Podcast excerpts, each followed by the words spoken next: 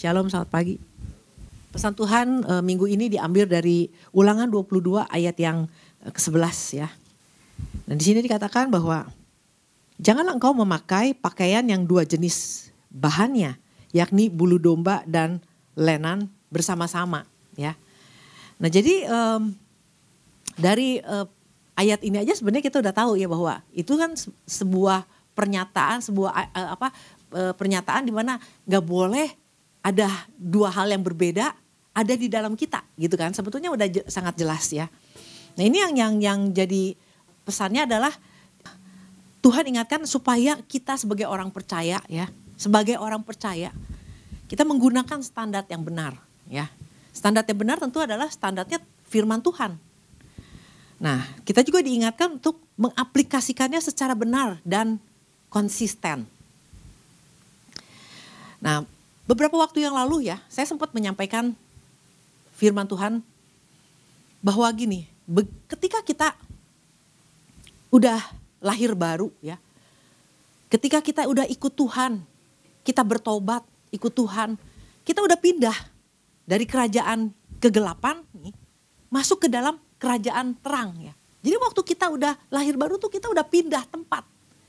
Udah pindah posisi bahwa kita ini udah nggak ada lagi di kerajaan gelap, kita udah ada di dalam kerajaan terang. Nah ketika kita ada di dalam kerajaan terang, nah terus kita kan kalau di kalau kita bertobat kan ada yang namanya dibaptis ya. Nah baptis ketika kita dibaptis memberikan diri kita untuk dibaptis, kita masuk ke dalam air, kita keluar dari air, kita sebenarnya bukannya cuman oh cuman oh baptisma simbol gitu ya. Bukan simbol. Kita lagi menyatakan, kita lagi mendeklarasikan diri kita bahwa kita udah tinggalin yang itu. Kita masuk, kita ikut Tuhan. Kita lagi nyatakan kepada iblis, kepada kuasa kegelapan, hari ini nih saya dibaptis, saya udah tinggalin nih yang lama. Saya udah ikut Tuhan. Dan mulai hari ini waktu saya ikut Tuhan, saya ikut semua ketetapan-ketetapannya, peraturan-aturannya, aku ikut hukum-hukumnya. Udah simpel banget. Waktu kita udah ikut pindah, kita betul-betul udah menyatakan mulai hari ini nih. Mulai hari ini saya dibaptis ya. Jadi jangan kadang-kadang gini, baptisan itu jangan diingat tanggalnya doang. Kita mesti ingat juga bahwa prinsipnya adalah gini, waktu kita dibaptis kita lagi menyatakan diri kita udah pindah dan kita mulai ikut semua aturan di kerajaan kita yang baru. Aturan-aturannya semua uh, apa uh, hukum-hukumnya kita ikut yang baru. Artinya apa? Hari itu juga kita udah tinggalin yang lama. Nah saya, saya ingat banget ya dulu pernah punya pembantu ya. Nah pembantu ini uh, awal-awal waktu ikut mulai kerja sama saya setiap kali dikasih tahu, Bi harus begini. Enggak, di tempat saya dulu kerja, makanya gini gitu ya. Oh iya itu kan dulu, kamu kan sekarang ada, di, saya punya aturan sendiri di rumah tangga saya. Saya punya aturan sendiri, motong bawang kayak gini, cara ngepel kayak gini, bikin bikin mie instan pun kayak begini. Nah tapi itu terus berulang-ulang selalu kalau ditanya kenapa salah lagi salah lagi karena di tempat yang dulu waktu saya kerja mah begini nah kesel nggak digituin kesel nah itu juga yang terjadi. Jadi waktu kita udah ikut Tuhan kita nggak bisa bilang lagi bahwa yang dulu mah begitu. Jadi nggak move on. Punya pacar juga gitu kan? Siapa nih anak-anak muda di sini yang punya pacar? Kalau gini gini gini. Tapi pacar saya yang dulu mah begitu.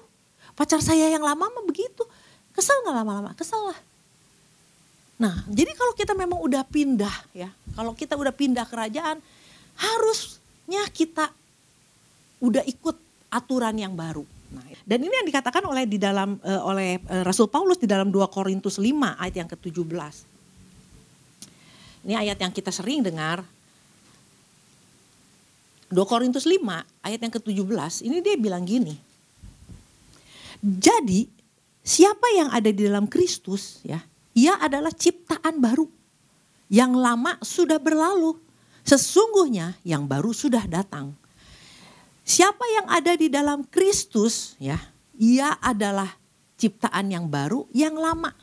Ya, yang lama. Nah, di, yang yang lama itu di dalam bahasa aslinya gini, arco, archaios, ar, ar, archaios ya. Archaios ini artinya gini, yang lama itu ancient time. Hal-hal yang dahulu kala. Juga diterjemahkan artinya gini, en, uh, itu ancestor, or, yang berhubungan dengan nenek moyang. Itu yang lama, yang berurusan dengan nenek moyang yang zaman dahulu kala itu sudah berlalu. Sudah berlalu itu artinya uh, parer comai. Parer comai itu artinya udah gone. Udah hilang sama sekali, udah vanish.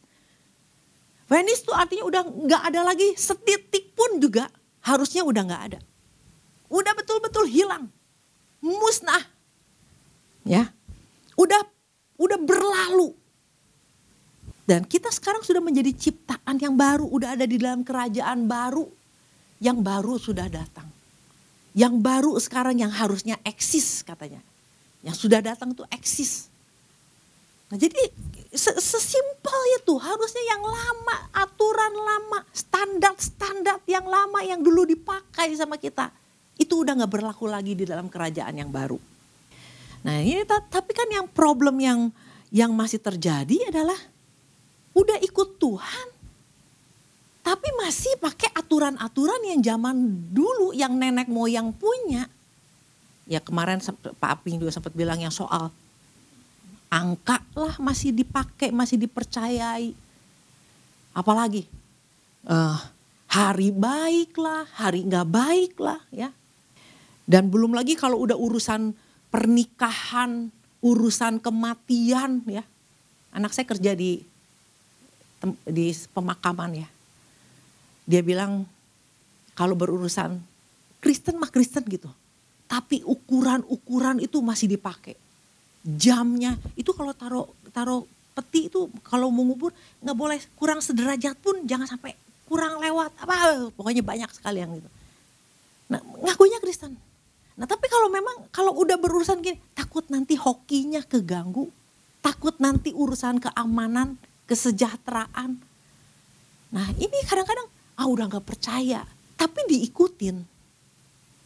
Gak punya ketegasan, nah, udah enggak. Saya gak mau pakai aturan itu.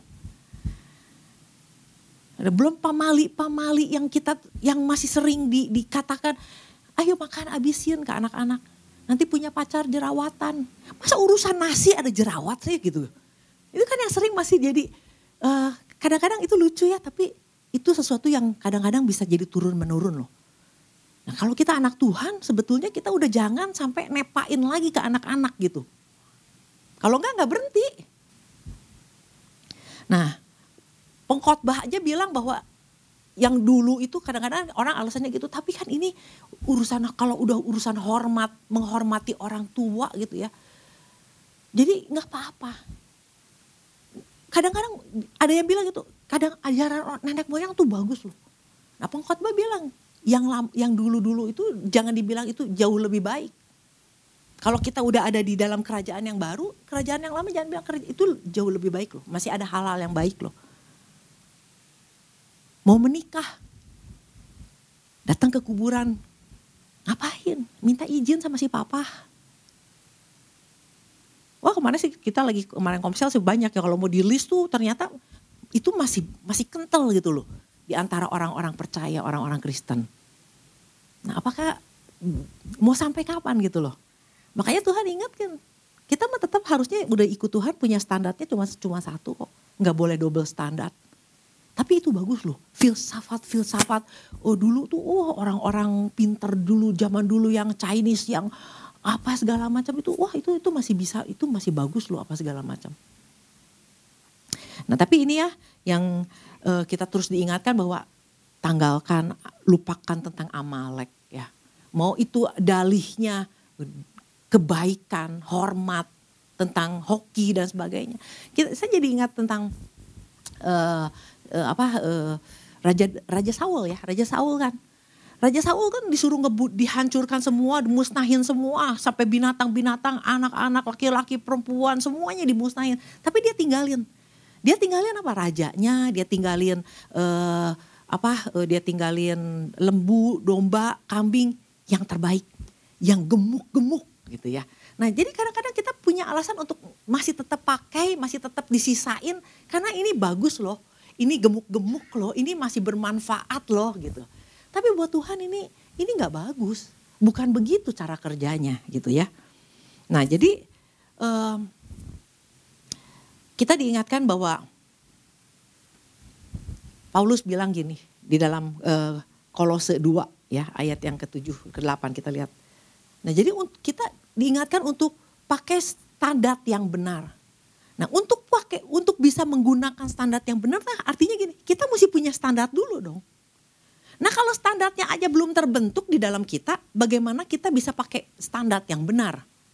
Nah makanya kalau di dalam kolose, nih Paulus menulis surat kolose 2 ayat yang ketujuh di sini dikatakan, hendaklah kamu berakar di dalam dia. Jadi kalau kita udah pindah kerajaan, ya jangan jangan jangan biasa-biasa aja. Hendaklah kamu berakar di dalam dia, ya. Ayat yang keenam dulu ya. Kamu telah menerima Kristus Yesus. Siapa di sini udah terima Kristus Yesus? Kita semua udah terima Kristus Yesus. Tuhan kita. Karena itu hendaklah hidupmu tetap di dalam dia. Ya. Terus di sini ayat yang ketujuh baru hendaklah kamu berakar di dalam dia dan dibangun di atas dia. Hendaklah kamu bertambah teguh dalam iman yang telah diajarkan kepadamu dan hendaklah hatimu melimpah dengan syukur. Hati-hatilah supaya jangan ada yang menawan kamu dengan filsafatnya yang kosong dan palsu menurut ajaran turun temurun dan roh-roh dunia tetapi tidak menurut Kristus. Ini kan jelas banget. Ayat ini udah sering bolak-balik di, di, di apa di kita baca ya. Nah, ini kan jelas bahwa kenapa Paulus sampai bilang harus kamu berakar terus e, dibangun ya di dalam terjemahan yang lain dikatakan kalau dibangun itu harus dibangun continue artinya terus menerus dibangun. Karena apa? Ada fil, itu filsafat-filsafat yang kosong itu ajaran turun temurun itu masih bisa masih bisa uh, apa masuk ke dalam uh, pikiran orang-orang percaya. Kalau nggak terus menerus dibangun, nggak punya dasar yang kuat, nggak nggak apa uh, tidak berakar di dalam kebenaran. Nah artinya apa? Paulus tahu banget ini urusan ajaran-ajaran nenek moyang ini, ajaran filsafat-filsafat yang dulu ini, ini ternyata kenceng banget gitu. Bisa me, apa meng, bisa uh, cukup kuat gitu untuk bisa mempengaruhi orang. Kembali lagi pakai standar-standar yang dulu. Jadi nggak main-main, makanya Paulus ingatkan harus berakar loh. Harus punya fondasi. Nah ketika kita terus menerus dibangun di atas kebenaran firman Tuhan, mulailah ada standar yang kita bangun. Standar yang kokoh ya. Punya prinsip. Nah itu yang namanya punya prinsip untuk tetap pakai standar Tuhan. Nah ini kan yang jadi persoalannya gini. Di sini dikatakan bahwa haruslah hendaklah kamu bertambah teguh dan e, dibangun di atas dia. Ya haruslah kamu terus menerus dibangun di atas dia. Dibangunnya belum beres. Nah kemarin pesan Tuhan apa? Sering kendornya ketimbang dibang ngebangunnya. Ada problem akhirnya nggak ngebangun. Jadi kalau ngebangun rumah mah nggak jadi-jadi rumahnya teh. Nah jadi kalau untuk membangun, untuk punya standar di dalam kita, ya standar firman Tuhan ini nggak main-main. Harus punya satu ke apa punya ketetapan hati kata kemarin kata Ibu Syana harus punya sebuah ketetapan hati. Nah makanya ketika kita terus menerus dibangun di atas kebenaran firman Tuhan ya, kita akan menjadi orang-orang yang punya prinsip. Nah karena apa? Firman Tuhan itu akan membangun sebuah karakter kita juga. Bukan cuma sekedar kita tahu punya pengetahuan, tapi karakter pun akan dibangun di dalamnya. Bahkan firman Tuhan di dalam Yohanes 8 dikatakan bahwa kalau kamu tahu kebenaran, kebenaran itu akan memerdekakan kamu loh. Nah kebenaran itu akan memerdekakan kita dari apa? Dari dari kebiasaan kita, dari hal-hal yang begitu kuat pernah mempengaruhi kita di masa lalu. Standar-standar yang lama itu kita bisa dimerdekakan dengan standar-standar yang lama. Kalau kita benar-benar berakar dan terus-menerus dibangun di atas kebenaran firman Tuhan. Nah jadi ini Pak waktu Paulus bilang ini sama jemaat di Kolose kamu udah terima Yesus ya. Berakar loh. Terus menerus dibangun. Karena dia tahu hal-hal yang dulu itu masih bisa mempengaruhi orang. Nah, jadi eh, artinya um, buat saya pribadi, kalau saya ikut Tuhan, saya udah menetap, menetapkan diri saya ada di pihak Tuhan. Saya ada di pihak Tuhan. Jadi untuk gini, untuk kalau kita pergi ke luar negeri ya ke mana aja ada foto, maaf ya, foto yang dari agama yang lama gitu, yang gede, yang bagus gitu. Terus saya mau foto di depannya, saya mah nggak mau. Karena saya udah ada di pihak Tuhan. Kenapa orang mau foto dengan dengan patung yang seperti itu? Kadang-kadang gini, eh ada ada ada artis nih terkenal, ah foto ah foto. Kenapa? Karena kita kagum.